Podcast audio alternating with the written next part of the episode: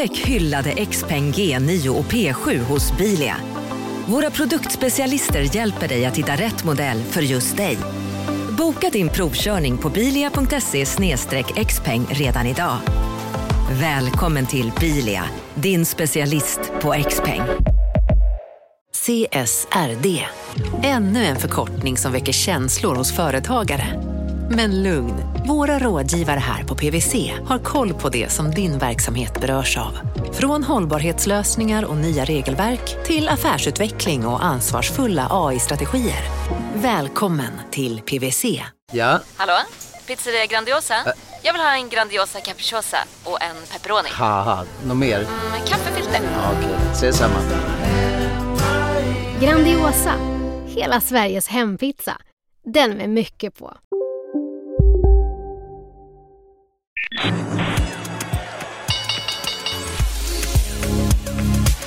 Det här är Affärsvärlden Magasin med Helene Rådstein.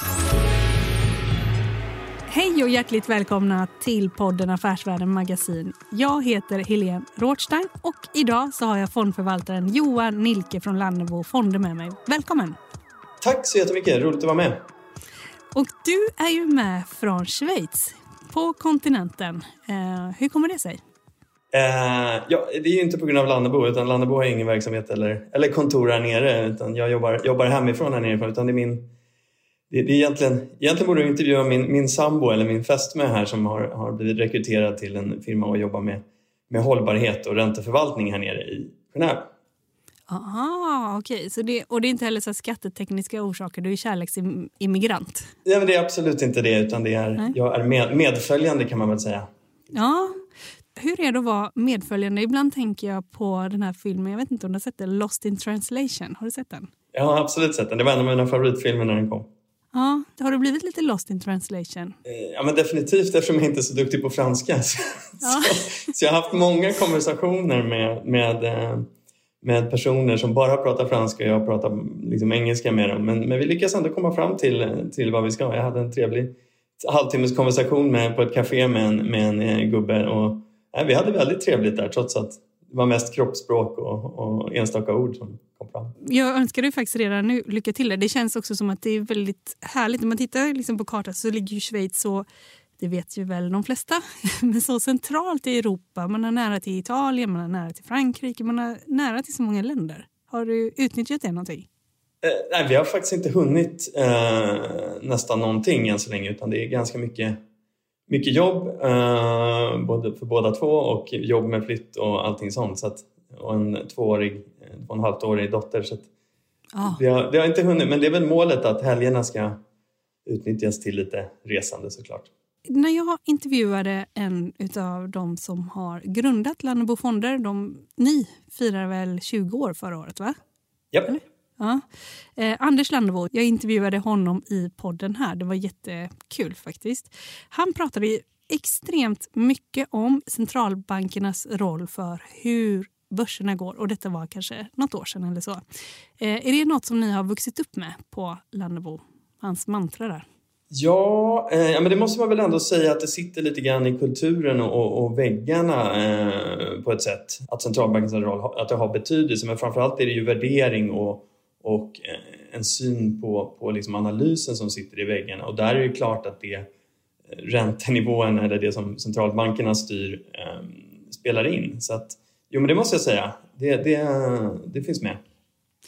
Och eh, hur, hur kan man säga då? Vad har skilt er? Ni har haft lite svårt att hänga med här på flera fonder i den här tidigare eran, eller som har varit med väldigt höga värderingar och så vidare på flera bolag. Ja, men vi, vi har väl varit med okej, men vi är ju inte med i den här allra liksom, toppskiktet när, när vi har haft år som, som förra 2020 och 2021 och liknande. Utan vi är väl kanske en lite mer konservativ syn på värdering och eh, på bolagen eh, generellt sett på firman. Och det gör väl att man kanske inte hänger, hänger med hela vägen upp i toppen, men man är inte heller med lika skarpt ner så att vi tittar på ganska många grafer nu på sistone med, mot, mot konkurrenter från våra, våra fonder och, och vi, vi når ju samma resultat men, men vägen dit ser lite olika ut eh, och, och um, det är väl det som man brukar kalla, kalla risk som man äntligen har börjat prata om lite grann igen. Mm. Eh, tycker du att man har saknat, har du saknat det tidigare? Prat om vilka risker som finns? Ja, men det har, väl, det har ju på något sätt glömts bort i, i under den här eh, liksom, ränte, låga räntefesten som vi har haft under ett par år så har, ju, har, det, ju, har det ju mera varit tillväxt till varje pris som har, har gällt. Eh, och, och, det har man väl saknat lite grann emellanåt eh, såklart att ja, men fokuserar vi lite mer på det så eh, inte minst som firma så, så, är det, så är det klart att man saknar det. Att, och, det jag, och till slut kommer verkligheten ikapp. Någonstans har värdering betydelse. Eh, och det ser vi ju, ser vi ju nu. Mm. Vi kommer gå vidare in på det. Du rattar två fonder. Det är Lannebo Teknik och Lannebo Teknik Småbolag. Den senare är hyfsat ny ändå. Och båda dessa de körde ihop med eh, Helene Groth, eller hur? Det stämmer bra. Eh, hur kommer det sig att man drog igång den här Lannebo Teknik småbolag? Eh, nej, men när jag började på, på Lannebo eh, så hade ju då Lannebo Teknik hette då Lannebo Vision och har funnits med sedan starten egentligen. Och när jag började så, det finns ju lite grann i Lannebos DNA också det här med småbolag och vi har, en, haft en väldigt, har, har en väldigt framgångsrik småbolagsfond. Mm. Ehm, så då fick jag ganska snabbt frågan om det inte var intressant att starta en småbolagsversion av Dannebo Vision, eller som den då hette. Och, och det är väl klart att det är jättespännande och framförallt när, när jag tycker de typen av bolag, liksom teknik, bolag inom teknikdriven tillväxt är superintressant. Då. Kan vi då få en specialiserad fond på, mot de mindre bolagen så ja, men, det är superintressant. Så därför så, så valde vi att starta den här och det var också ett efterfrågan från kunder eh, som, som ligger bakom det. Vad finns det för gemensam nämnare i förvaltartänket? Ja, dels är det ju jag och Helene som förvaltar båda två. Så, ja. så våra, våra tankar och vår filosofi ligger bakom båda, båda fonderna. Och sen har vi, har vi faktiskt eh, samma process eh, för båda fonderna där vi tittar liksom, den stora idégenereringen sker genom teman eh, mm. inom teknikdriven tillväxt. Mm. Och sen hamnar det då att ja, men de lite mindre bolagen hamnar i småbolagen och de lite större bolagen hamnar i, i eh, teknik. Då. Mm. Eh, och om vi då tar eh, småbolagsfonden, alltså Teknik Småbolag, den har varit upp eh, ungefär 56 procent sedan start. Är det två år sedan ungefär? Ja, november 19. Ja. Och, eh, men nu har den backat typ 13 procent i år vi, vi, kan gå in på det lite senare. Men vad har bidragit mest till uppgången under åren? Ja, men under de här lite drygt två åren som, som fonden har funnits så har vi faktiskt haft en ganska bred uppgång i, i portföljen. Vi har haft många bolag som har bidragit positivt. Sen är det några som har stuckit ut lite mera och de två som har stuckit ut mest är väl Sinch och eh, Nordic Semiconductor. Nordic Semiconductor gör ju eh, gör ju egentligen kommunikationschip eller designar kommunikationschip. Eh, främst inriktat på Bluetooth eh, mm. men även andra kommunikationsprotokoll eh, mm. som wifi eller ja, numera mobilt också 5G. Hur har de gått här nu på sistone då? Eh, nej men, båda två har väl haft det lite, lite tuffare ehm, under början av det här året det är ju lite grann för de har haft en väldigt framgångsrik resa på börsen under, under ett par år här och har blivit ganska populära bolag generellt sett både bland småsparare men har även då kommit med i vissa, vissa ETF och liknande. Så att, så att de har fått lite stryk i år. Eh, mm. Men Nordic Semiconductor levererade en bra rapport häromdagen och så, så det ser ut som att det fundamenta tickar på i, i Nordic Semiconductor. Mm. Och om, om, vi tar Sinch då till exempel, de har ju gått eh, bra hur, hur länge som helst men de har ju också haft det mycket tuffare nu. Kan du förstå att de har, liksom, att de har haft det tuffare sen deras Q3-rapport kom här? Eh, ja, och sen är det lite fel. De har inte gått hur bra som helst hur länge som helst faktiskt. För att de, de var ganska okända redan, alltså så så nyligen som 2018 faktiskt. Ah. Så, så var de ju inte så populära utan, och innan dess hette de ju CLX och ingen visste ju typ vad de gjorde. Nej. Vi har följt bolaget väldigt länge, innan, till och med innan, innan notering. Så, så det är ju faktiskt de sista åren som de har haft en fantastisk resa på börsen. Och det är mycket byggt av fundamenta och de verkar i en, de är en av de ledande aktörerna inom sin, sin nisch. Eh, och har gjort väldigt lyckade förvärv dessutom. Jag tror de flesta vet vad Sinch är för något. Men det är liksom, de är verksamma inom eh, automatiserade företagsmeddelanden. Alltså sms och bokningsbekräftelser som man får via flyg till exempel. Och vad, vad, vad kan vi säga mer? Konserter va? Ja, absolut. Ja. De är ju verksamma inom det man kallar C-pass eller kommunikationstjänster för företag. Ja. Ja. Eh. Eh, mm. Så, så det är några av deras, eh, deras kunder använder det då till att bokningar eller påminnelser för olika tidsbokningar. Men det används även som säkerhet, alltså som tvåfaktoridentifiering. Om du får en sms med en kod när du ska logga in eller eh, de använder det, alltså även skickar ut videomeddelanden. Eh, du kan ha anonymiserade telefonnummer om du till exempel är en chaufför på Uber eh, så kan du, kan du då eh, istället för att ha ditt eget telefonnummer ha ett, bolag, ett nummer som Sinch har. I början på corona så intervjuade jag faktiskt eh, Sinchs eh, vd Oskar Werner. Inte i podden utan i tidningen Affärsvärlden kom han. Eh, och eh, det var också apropå att de gjorde väldigt stora förvärv under coronatider. Nu har ju sedan dess så har ju jättemånga eh, bolag och sådär. Man har ju haft en ganska hög M&A-aktivitet. Men detta var liksom i början när man satt där vid köksbordet och eh, man hade också barn hemma då i USA där han är bosatt och så gjorde man massa förvärv. Och då så var det också ett eh, stort förvärv man hade gjort i Brasilien och sen har de ju gjort hur många förvärv som helst. Kan du eh, förklara, liksom, nu ska man integrera de förvärven men kan du också förklara logiken bakom att man gör de här jättemånga förvärven runt om i hela världen? Ja, det finns ju andra svenska bolag som bet gör betydligt, betydligt fler eh, förvärv än vad Sinch gör även om det, de har gjort, gjort en, del, en del förvärv.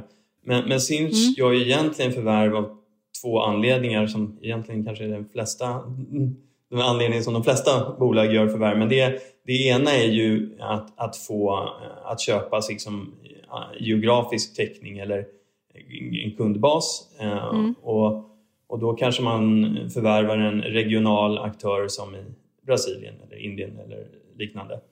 Eh, eller USA. Eh, mm. Men sen gör man också förvärv vad det gäller tek teknik och, och förvärvar sig liksom högre upp i värdekedjan. Mm. Och, och Sinch har gjort båda, båda delarna. Och båda delarna hittills har, har varit framgångsrika. Och nu nu får vi se. Nu har man, håller man på att integrera de senaste förvärven och kommer väl troligtvis ta en del kostnader för det under, den här, under föregående och det här kvartalet. Men det är också för att inom den typen av kommunikationslösningar så finns det också regionala och lokala spelare liksom runt om överallt, eller? Absolut. Det finns många regionala spelare och det finns mängder med lokala spelare mm. eh, på varenda liten, liten marknad runt om i världen som, som hjälper kanske den lokala frisören, restaurangen eller vad det är eh, med olika tjänster. En konkurrent som eh, ofta har lyfts fram här eh, i relation till Sinch det är ju amerikanska Twilio. Vad skulle du säga är den stora skillnaden mellan Twilio och Sinch? Ja, men den största skillnaden är väl eh, dels är ju, är ju Twilio mera, eller kommer mera från den amerikanska marknaden har varit mera, har en starkare position där från början. Men sen är det precis det som vi pratar om att Twilio har varit bättre med att tillhandahålla produkter eh, eller tjänster högre upp i värdekedjan, alltså närmare slutkund som är kanske mera plug and play, att en tandläkare kan signa upp sig online och direkt vara igång och skicka ut påminnelse-sms snabbt men väldigt standardiserat. Eh, Medan då Sinch kommer från andra hållet, de kommer då från en väldigt stark, starkt liksom bas med sitt, sitt nätverk av operatörer runt om i världen som man kan skicka ut sms väldigt, många sms till hög kvalitet till en låg kostnad. Mm. Eh, och kanske inte har varit lika bra på de här plug and play-tjänsterna eh, som Twilio har varit bättre på. Utan, men där har man istället då vänt sig till större kunder, så de största techbolagen som kanske utvecklar mera själva men använder då sin plattform för att göra det här. Men de närmar sig lite varandra nu eller? Det gör de definitivt. Och sen har ju Twilio har varit kund hos, hos Sinch eh, ja. längre tid. Liksom. Att, Intressant. Eh, ja. Men de är ju, nu är de ju nu är det, nu är det konkurrens, konkurrens på riktigt mera. Och den här då pressen på aktiekurser som man har sett, hur ska man ändå förstå det? Alltså, förutom att nämna att ja, det här är teknikbolag och många teknikbolag har fått det lite tuffare nu. och sådär. Hur ska man ändå, Finns det något där som du tittar på och följer på kundsidan eller något sånt där nu framöver? Ja men, ja, men som man ser det så är det väl, är väl lite så att de här bolagen har ju blivit väldigt populära. Eller aktierna har blivit väldigt populära de senaste åren. Och till viss del sprang väl kanske värderingen framför fundamenta ett tag.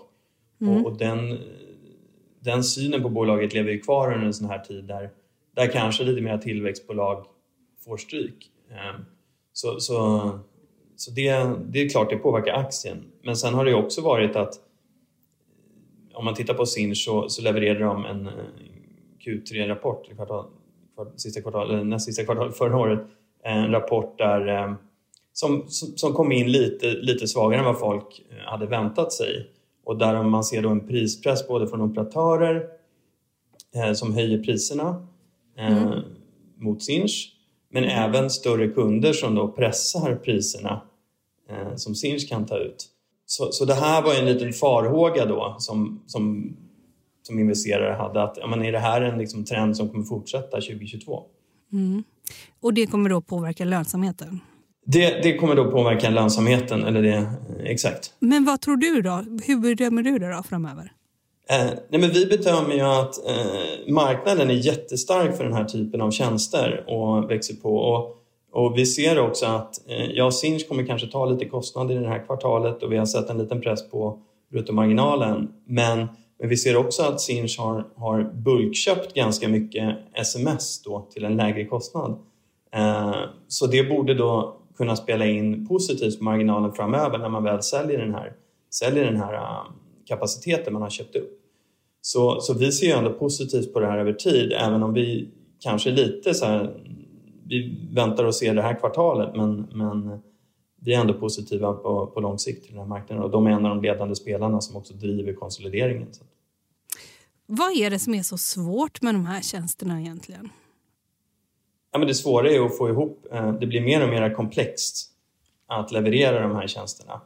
Så hittills har du kunnat liksom, som en lokal spelare göra det ganska enkelt och skicka ut ett sms, eh, en enklare tjänst. Men, men det blir mer och mer komplicerat och det blir mer och mer olika typer av meddelanden som ska ut, om det ska vara video eller eh, rich text messages, alltså där det är mer som en webbsida som skickas ut snarare än ett sms eller WhatsApp eller eh, Messenger och och den här världen blir mer och mer komplex vilket gör att det kräver mera, mera resurser av bolagen som verkar här. Och mm. därför så blir de stora spelarna, eh, ja, de blir väldigt viktiga och har en väldigt bra position. Eh, för nu pratar vi här, vi pratar om Sinch och vi pratar om Twilio. Finns det någon liksom tredje, eh, någon annan aktör som har kommit in eller som kommer starkt eller som kommer från Asien kanske? Det finns, flera, det finns flera aktörer där under. Som jag nämnde så är det en ganska fragmenterad marknad. Eh, vi har flera spelare som finns inom det här området. Det är också väldigt intressant för både Twilio och, och Sinch såklart eh, möjligheten att, att eh, förvärva den typen av bolag. Men, men som vi ser det nu så kanske det är Twilio, Sinch, Bandwidth som ett annat bolag som, som ligger där uppe som är de här globala starka spelarna. Marknaden sponsras av SPP, pensionsbolaget. Eh, förra gången pratade vi lite om ITP. Och som en kort repetition så, så var det ju 70-tal, arbetsmarknadens parter bestämde att alla tjänstemän ska ha en tjänstepension. Man kom överens om vilka villkor som ska gälla i den här pensionen och så kallade man den för ITP. Så jobbar man idag som tjänsteman i ett företag med kollektivavtal, då har man förmodligen den här pensionen, ITP-pensionen. Eh, och det är ju så att man kan påverka eh, den här pensionen, hur den är placerad. Vart femte år så gör nämligen Collectum, som de heter, en enorm upphandling där olika pensionsbolag kan ansöka om att få förvalta eh, de här pensionerna. Och SPP är ett av bolagen som valdes ut i den senaste upphandlingen. Och sen kan du som pensionssparare välja eh, vilket av de här olika pensionsbolagen som, som då ska få ta hand om dina pengar. Och tanken med den här upphandlingen det är ju att liksom kvalitetssäkra de här olika alternativen eh, men också att förhandla fram stora rabatter så att pensionsspararna ska få, ja, kunna spara pengar genom att avgifterna eh, som är så viktiga eh, blir eh, lägre. Och vill man välja någonting i ITP-systemet då finns det en relativt ny sajt som heter avtalat.se. Ehm, där kan man gå in och se hur sin ITP-pension är placerad. Jag gjorde det häromdagen faktiskt. Ehm, idén är att hälften av pengarna alltid ligger i något som kallas för traditionell försäkring. Det här gjorde vi ett avsnitt om i podden Kapitalet nyligen eh, som vi kallade världens bästa sparform. kan man lyssna på om man är intresserad. Eh, den andra halvan eh, den kan man också lägga i en traditionell försäkring eller så kan man placera det i något som kallas för fondförsäkring. Ehm, SPP som sagt eh, var ju ett av de fåtal bolagen som valdes ut i den senaste upphandlingen och de finns med som alternativ både med en traditionell försäkring och med eh, fonder. Så det var en liten bakgrund till ITP-systemet. Vill man läsa mer om det här eller typ kolla hur ITP-pensionen är placerad, eh, kanske göra förändringar, då går man in på avtalat.se. Eh, men tack säger jag till SPP som vill göra oss människor mer medvetna om hur enormt viktig pensionen är för oss som en framtida lön, men också som en positiv kraft i samhället eh, och förstås för att ni möjliggör eh, den här podden Marknaden. Du lyssnar på Affärsvärlden Magasin med Helene Rådstein. Om vi går över till den stora fonden Teknikfonden så då går vi till ett jättebolag här och det är Microsoft. För i början av det här året så stod det klart att de gjorde sitt största förvärv någonsin genom tiderna. De köpte dataspelsjätten Activision Blizzard och det var för över 620 miljarder kronor. Hur ska man förstå den här dealen? Eh, man ska väl se det som ett spel på det vi pratas ganska mycket om, metaverse. Ja. Eh, att man vill komma in och få content eller en väg in i metaverse och, och, och där är ju Activision en möjlig väg då. Och spel, eh, Microsoft har gjort flera, flertalet spelförvärv tidigare, inte minst svenska Minecraft. Mm. så, så det här är väl ytterligare ett sånt steg att stärka sin position inom spel som troligtvis kommer vara den första vägen in i, i metaverse. Och jag tror att de flesta som lyssnar de vet vad metaverse är för någonting.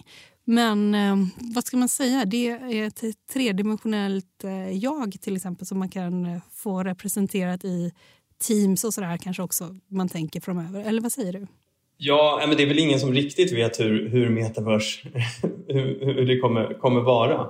Eh, så så det, det, det, är svårt att förklara men det blir en virtuell värld mm. Ehm, där vi kan eh, då antingen spela, mötas, eh, jobba ja, oavsett vad man nu gör fast i en virtuell värld.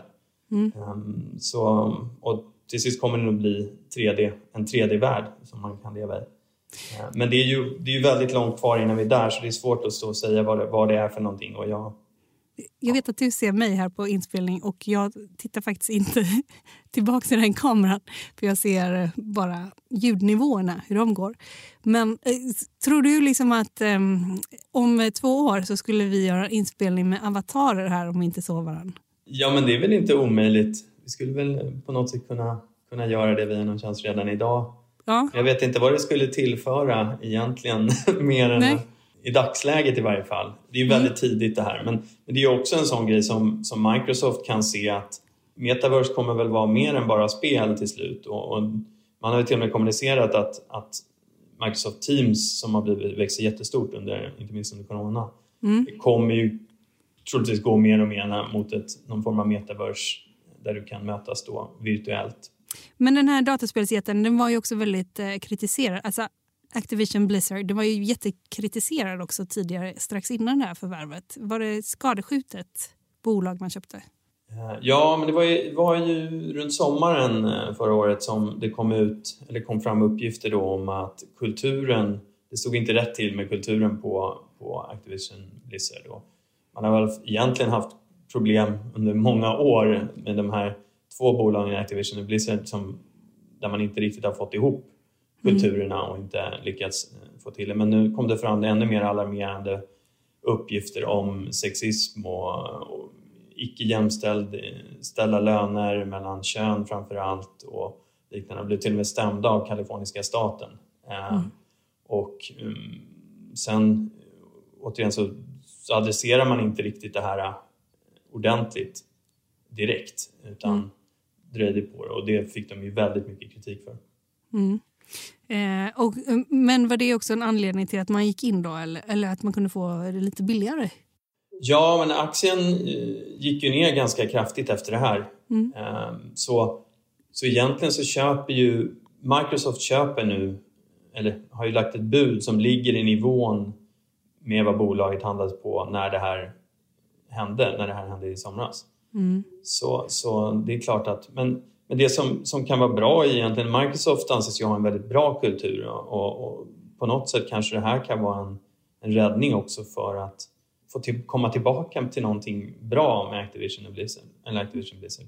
Mm. Så vi får väl se. Eh, Jag såg också att eh, den amerikanska konkurrensmyndigheten FTC att de skulle granska förvärvet. Är det där utrett eller är det något som håller på fortfarande?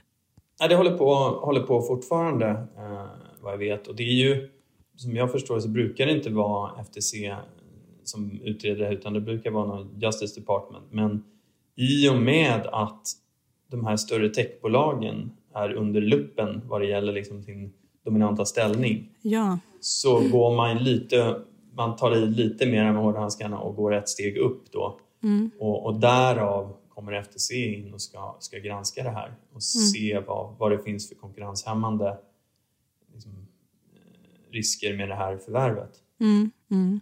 Är det fortfarande, framförallt var det här ju en väldigt levande debatt för liksom tre år sedan tycker jag i alla fall att det var så här, hur stora får de här fangbolagen bli egentligen? Finns det ingen legal gräns för hur stora de får bli? Eh, Är det fortfarande en väldigt levande debatt?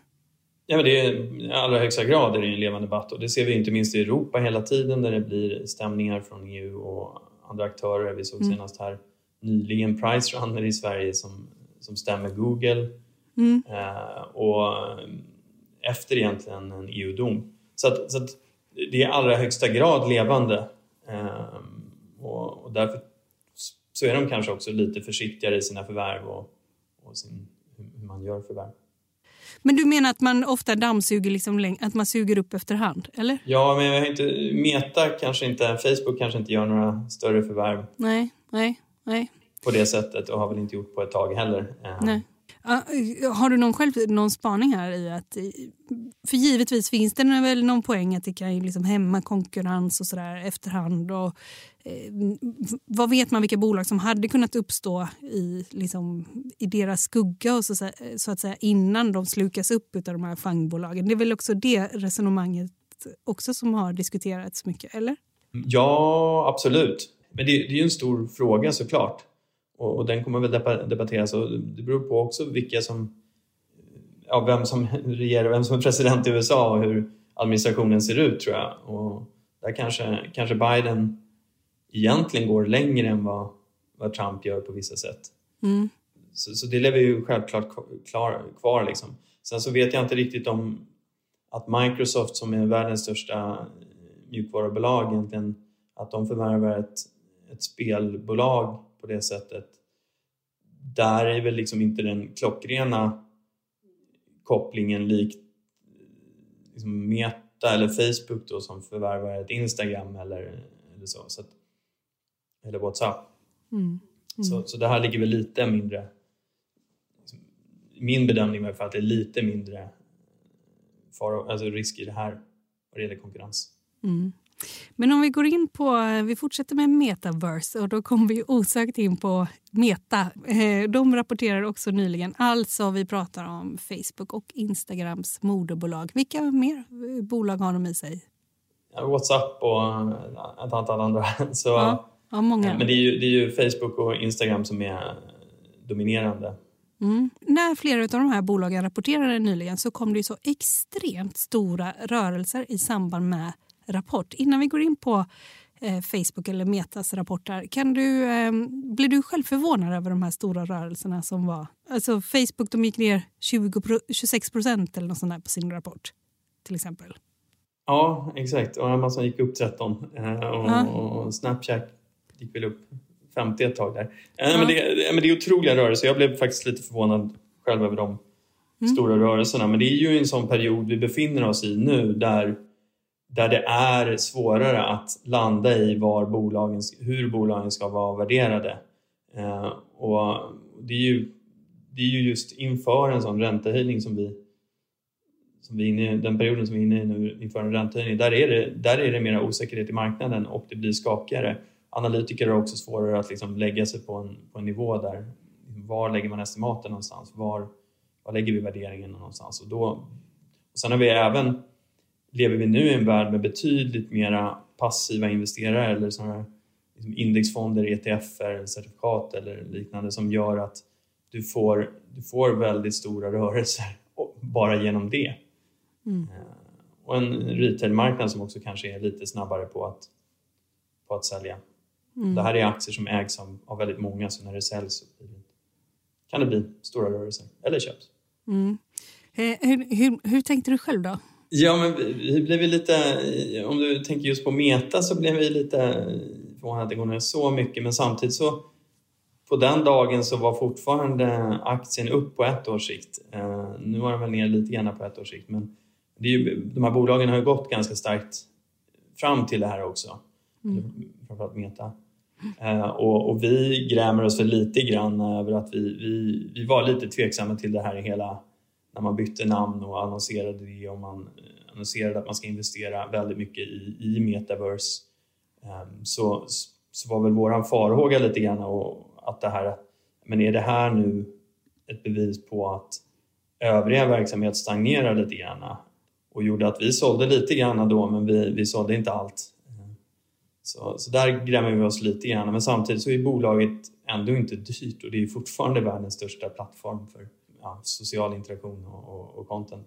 En diskussion som var i samband med de här stora amerikanska jättarna rapporterade det var ju också hur analytikerna kunde hamna så fel. Vad tänker du där? Ja, nej, men det är ju en, som jag nämnde innan, det är svårt för analytikerna i det här läget att hamna, hamna rätt och sen är det inte de som handlar, handlar eh, aktien heller utan, utan de försöker sätta, liksom en, sätta en, ett vettigt värde på bolaget på, på längre sikt. Liksom, och, och sen får vi se. Det, de, kanske, de kanske låg rätt långsiktigt men kortsiktigt låg de ju ganska fel. Men eh, ja, det här kanske jag borde fatta, men vad får det för konsekvenser när det är så extremt mycket pengar som rör sig så mycket under en och samma dag? Alltså, förutom att det blir osäkert och så, finns det några andra konsekvenser som kommer ur det massiva kapitalet som rör sig när det är så stora vågor? Liksom? Konsekvenserna blir ju att det blir, blir några som, som blir som, som blir lite fattigare. och och uh, nej men, nej men det, det, är väl också en, ett, ett, tecken på att vi har haft en marknad med extremt, eller ett par år där det har funnits extremt mycket kapital där mm. ute. Ja. Och mycket av det kapitalet har ju flödat in i vissa av de här bolagen och, och vissa av de framförallt snabbväxande bolagen. Mm. Mm. Och, värderingar på sitt, nu säger jag inte att eh, just Meta på det sättet eh, har varit felvärderat, men, men, så högt värderat. Men, men det här kapitalflödet blir ju liksom, när det trycker ju upp aktierna på vägen upp, men det blir också trångt i dörren på vägen ut. Mm. Mm. Och är det mycket mm. av de pengarna, det kapitalet som kanske bara är automatsälj eller liksom, ja, men nu, nu ska vi ut ur det här till varje pris för att det är så vårt mandat ser ut. Mm. Eh, ja, men då blir det trångt i dörren och då får du ganska stora rörelser. Eh, men eh, Snap har ni inte. Varför inte? Vi har inte Snap. Eh, dels för att vi tycker väl att de har legat... Liksom, Snap har varit lite tidigare i den i utvecklingen eller mognadsgrad mot vad vi egentligen har, brukar investera i. Ehm, så, och även lönsamhet. Nu ser det ut som de lyckas nå lönsamhet eh, här. Men, så nu kanske det är dags att börja kolla på det lite mer. Men sen har ju också värderingen på Snapchat har varit lite, ehm, lite, lite svårmotiverad för oss. Nej, men någonting gemensamt som vi har sett liksom i, i rapporterna både för Netflix och, och, och framförallt Meta men även till viss del Spotify är det här med med konkurrensen om tid och där var Spotify ganska tydliga med att säga att ja, men de ser högre konkurrens och det de här plattformarna konkurrerar om är ju egentligen användarnas tid Och sen självklart också annonsörerna, men det bygger ju på hur mycket tid som spenderas på plattformarna. Och, och där nämnde ju Meta just att, att folk spenderar mindre tid. Eller de ser liksom mera konkurrens från, från Snapchat och framförallt TikTok. Mm. Och, det kanske, och de sa också då att man får titta på mer, mer av de här reels och, och liknande då TikTok-videos som är kortare och det kan du inte kan du inte skapa lika mycket annonspengar på som du kan göra på längre klipp eller mera längre content. Och det här är ju då, det kanske blir så nu när, när folk börjar komma tillbaka vi får väldigt många olika tjänster eh, och folk går tillbaka till jobbet faktiskt måste, måste gå till kontoret igen. Att ja, men mm. tiden på marginalen är lite mindre för, mm. för den här typen av, av content. Mm. Eh, att, att de tappade ändå så pass mycket på rapportdag, vad, hur ska man förstå det? Det var väl att förväntningarna var inte där och de kanske hade eh, användare trott att det här med metaverse kanske skulle komma någonting snabbare än vad de gjorde men, men det stora som jag tolkar är ju att det här är första gången Facebook inte växer sitt användarantal. Mm. Mm. Och det är väl klart att det det ser ju folk som väldigt negativt och det är det som analytiker och investerare har tittat främst på oavsett vilken av de här bolagen det gäller, om det är Snap eller Netflix eller Spotify, så är det ju användarantalet som mycket styr aktiekursen. Har du någon take om varför man inte växer med fler användare? Det är väl lite tillbaka till det som kommentaren som de sa om det här med tiden. Uh. Att men konkurrensen om, om, om tid blir, blir större och sen så ser man väl också att då plattformar som, men vi såg ju TikTok och, och Snap växer ju, tar ju liksom andel. Mm. Och det är väl främst de, de yngre mm. användarna som använder den plattformen och där mm. är det ju intressant för annonsörer också.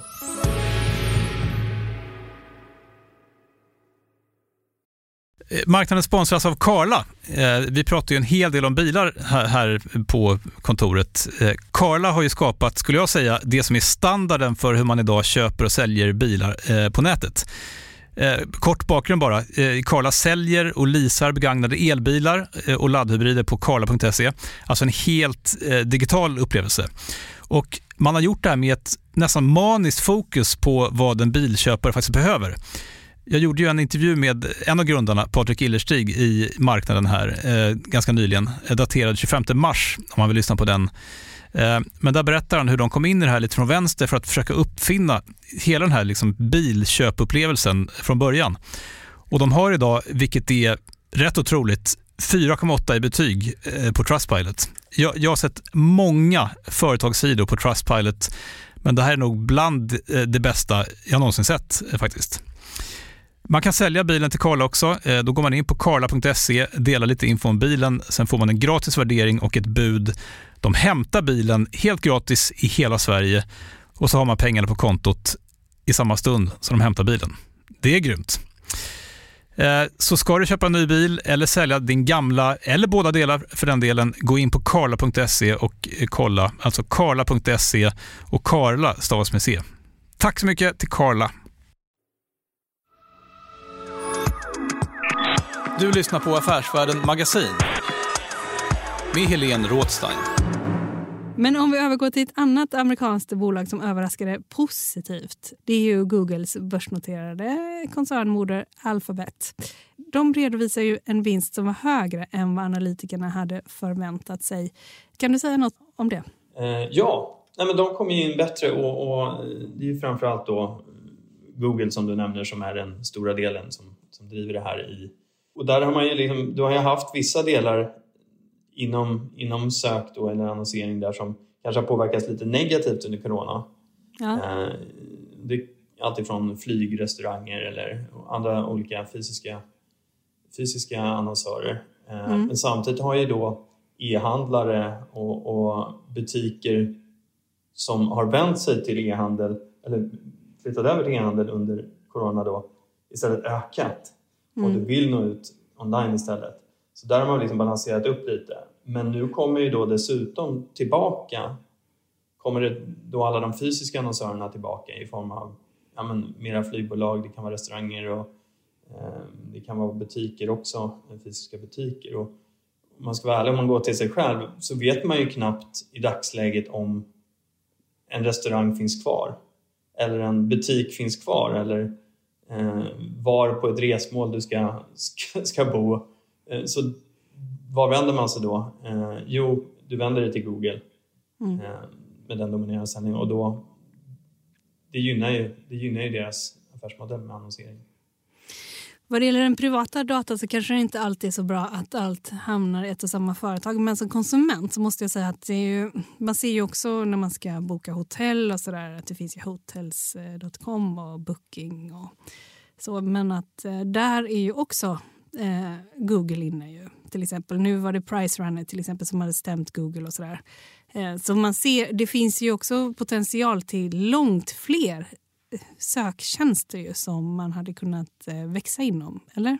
Absolut. Absolut, mm. och där, där har man ju varit ganska dålig om man ska vara ärlig. Liksom. De har ju mm. inte varit dominerande på vad det gäller sökning, flygbiljetter eller, eller hotell eller, eller liknande. Men där blir de ju bättre och bättre, eller om du, prisjämförelser också.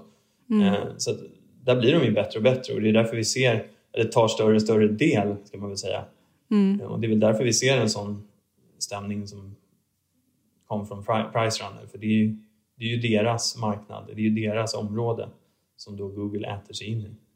Utav de här stora jättarna som vi har pratat om nu, finns det någon här som du verkligen liksom tror lite extra på?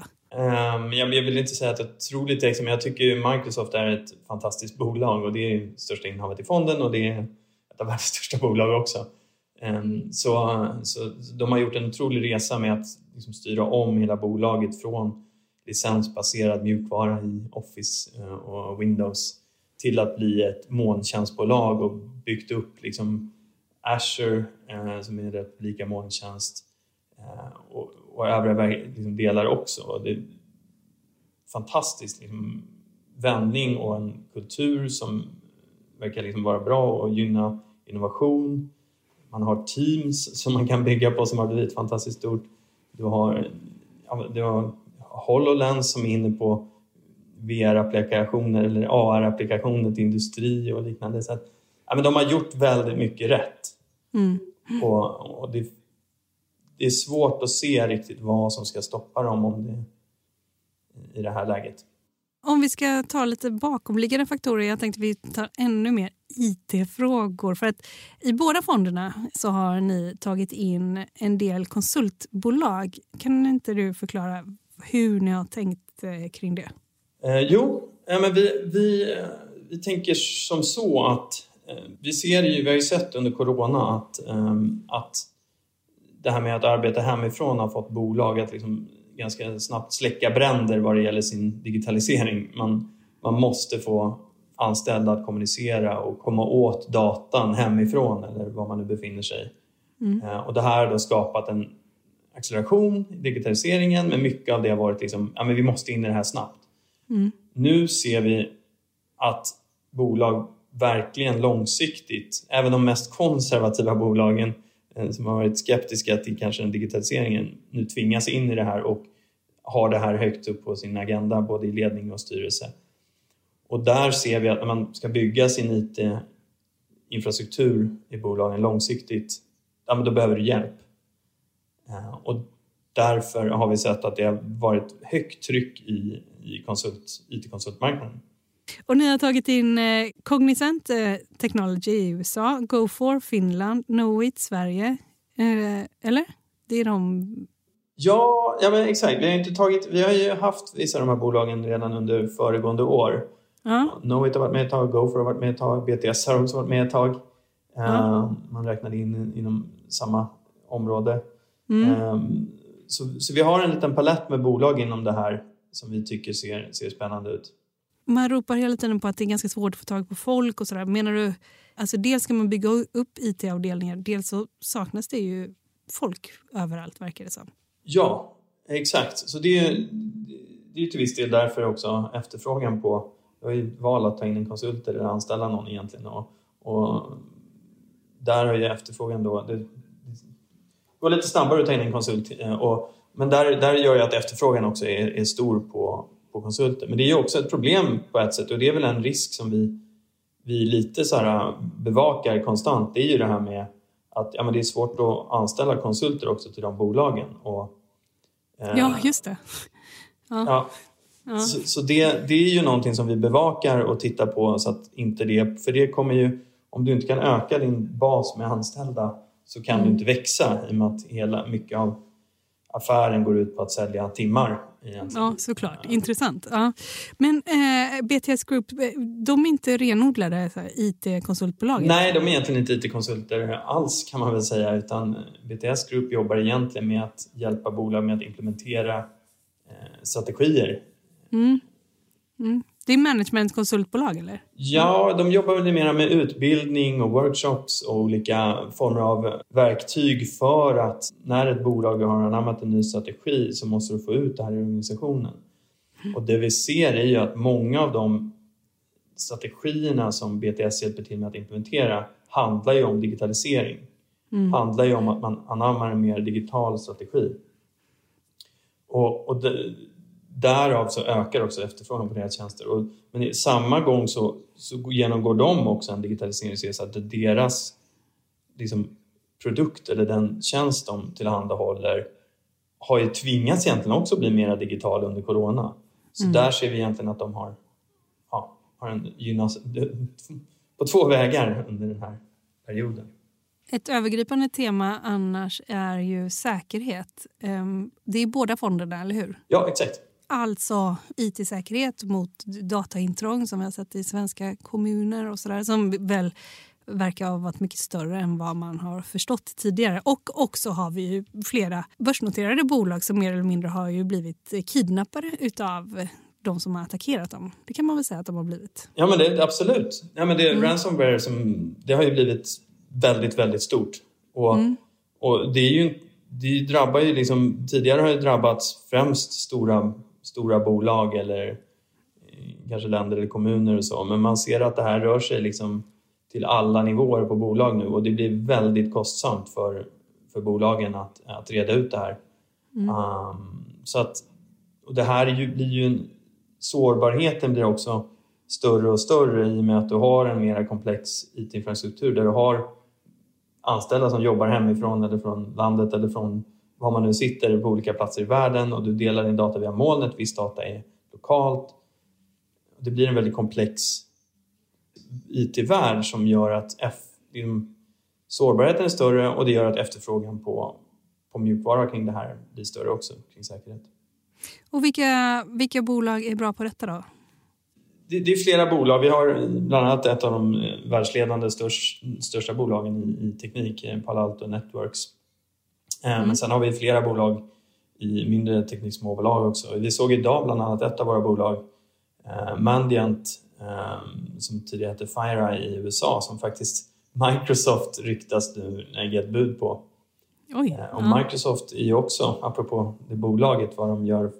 De har ju byggt upp en säkerhets, IT-säkerhetsdel som faktiskt växer väldigt, väldigt kraftigt och omsätter ganska mycket. Jag tror de växer 40 procent, drygt 40 procent nu och, och omsätter ganska mycket. Mm. Eh, även om det är lite i Microsoft värld. Men, och nu tittar man då på att förvärva då Mandiant um, som är väldigt duktiga på att reda ut när det väl har hänt uh, en attack. Så blir de inkallade som kan, kan kalla dem SWAT-team eller liknande. Um, och det ryktas då de lägga bud på. Så Mandiant var upp 18 procent igår faktiskt. Det skulle också vara en väldigt bra tjänst om man köper liksom Office-paket och sen så får man det där datasäkerhetsskyddet och liksom vidare som en eh, försäkring, eller vad ska man säga att det blir?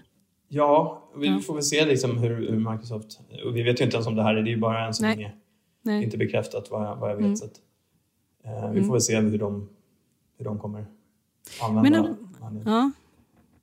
Men apropå rykte, vi, vi, vi byter bransch lite grann, eh, nästan. Eller det gör vi. Eh, det kom ju en grej här om ett, ert innehav som var lite, lite luddig release här om Tobii Tobii. De gick ut och meddelade att de befinner sig i en förhandling med Sony Interactive Entertainment om att bli eye-tracking-leverantör till några nya VR-set Playstation och sådär. Och sen så sa man inte så mycket mer, eller hur? Hur tolkar du det? Nej, det, var en liten, det kom ju faktiskt ut, pressreleasen kom ut dagen innan rapporten, kvartalsrapporten.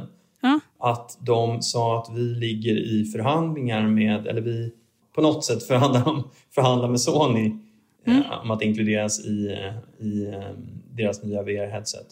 Mm. eh, Som väntas komma ut slutet av året här. Eh, Och det är egentligen det vi vet och sen så kom frågan då på kvartals, konferenskollet igår eh, på rapporten att ja, men hur ska vi tolka det här? Och det lät också som att det är en som, som sades läst nästan juridiskt utan det var nästan mer en, det kom inte fram något nytt där. Jaha, så så tolkningen är väl att någonting pågår. Man var tvungen att gå ut med kanske en, lite mer information externt för att inte hela bolaget skulle hamna i någon insidersituation. Men mer än så vet vi egentligen inte. Nej. Vi vet ju inte hur mycket, om de kommer vara med, om det förhandlas om bara att komma med med algoritmen eller komma med med chip också. Med, eh, så vi vet egentligen ganska lite. Eh, och eh, hur, stort är det om det blir av? Ja, det- Det är också svårt att säga i och med att vi inte vet hur stort Nej, Hur okej. stor, hur stor del kommer de ha? Hur stor inte kommer de ha per heads, headset? Mm. Ehm, men, men det är ju allt annat lika så är det ju det är klart det är väldigt positivt för bolaget. Det är det här man har väntat på i flera år. Känns det inte rikt, lite så med Tobii på jättemånga sätt? Att liksom när lossnar det? När lossnar allting? Eller? Men det är väl lite så det har, har känts och, och under, under många år. Och det, man har gjort väldigt mycket förändringar nu med att dela upp bolaget, splittade upp det förra året, i slutet av förra året. Eh, Så det kanske är nu det, nu det händer. Se. Så det är Dynavox som är då de här hjälpmedel funktionshindrade. Eh, Och sen är det då Tobii eh, som är eh, resten. Ja, okej. Eh, och jag har, jag har faktiskt varit på den förra vdns kontor utanför San Francisco. Och Då fick man se hjälpmedel för personer som är funktionsvarierade. Och eh, Det är ju ganska häftigt. Har du suttit och tittat på de här eh, hjälpmedel, olika hjälpmedel som finns? Absolut. Ja, men jag har testat dem. Det är imponerande hur, vilken, och vilken skillnad det gör för folk. Ja. Så det är ju life changing många gånger. Och Ja, det är ju ja. fantastiskt när man ser dem, eh, liksom deras kunder och hur de uttalar sig och, och vad, vad det faktiskt betyder för många. Eh, Eh, men det som man undrar också det är ju att de har ju varit väldigt nära så här Silicon Valley. Men liksom varför, eh, ja, varför har de inte då blivit uppköpta? Man kanske kan se den här splitten då som ett... Eh, ja, de kanske skulle kunna bli det, eller? Vad tror du framöver? Slukas av någon jätte? Det, det vet jag inte. Det, det vill jag inte spekulera i riktigt men, men det, det är väl inte omöjligt i så fall. Nej. Det är lättare om de är uppsplittade såklart. Eller så kan, eller så kan snarare då Dynavox kanske bli en, eh, ett bolag som konsoliderar istället och gör förvärv. De gjort, har gjort något förvärv nu redan som enskilt bolag. Så Ehm, Det har ju liksom gått dåligt för flera teknikaktier på börsen. Nu har vi pratat om några också som har gått bra. Och sådär. Men eh, hur tycker du att man ska tänka som eh, privatinvesterare liksom framöver? Vad, ja, hur tycker du man ska värdera om bolagen ändå går bra men det trycks ner ändå aktiekurserna för de har kanske varit för högt värderade. Hur tycker du, eh, vad är liksom en sund blick här på teknikbolagen och kanske då de mindre teknikbolagen? även om det är liksom ett skifte nu, ett, en rotation ut ur, ur teknikbolag eller till, snarare tillväxtbolag är det en rotation ut ur. Och, och det drabbar ju till stor del teknikbolagen. Ehm, och det är ju ingenting som betyder att digitaliseringen eller den här äh, innovationen är över utan vi ser ju fortfarande att underliggande fundamenta ser ganska stark ut. Och vi ser att bolag måste investera i sin IT-infrastruktur och, och den digitaliseringen. Så vi, vi ser ju fortfarande att det lever kvar och det är liksom punkt ett. Men, men punkt två där är då att ja, men det går inte att köpa alla bolag på grund av det eh, inom teknik. Eh, och nu måste man nog mera då, framförallt när vi börjar få någon form av ränta, titta på värdering. Ehm, och det kanske eh, låter solklart att man måste det, men det har man kanske inte sett som solklart under 2021 och 2020 kanske. Utan där har ju, har ju värderingar till viss del gått och kanske vara lite mer försiktig med den typen av liksom, förhoppningsbolag som har, har funnits där vinsterna ligger väldigt långt fram i tiden. Eh, men det finns väldigt många väldigt fina teknikbolag, inte minst i Europa, som växer kanske 10, 12, 15 procent men som är lönsamma. Eh, och där tycker vi att man, man kan hitta väldigt mycket, mycket fint. Jag säger tack till dig Johan Nilke som eh, tillsammans med Helene Groth förvaltar Lannebo Teknik och Lannebo Teknik småbolag. Tack så mycket för att du var med i podden Affärsvärlden Magasin. Tack så mycket, jättekul att vara med. Hej då! Hej då, ha det bra! Detsamma, hej!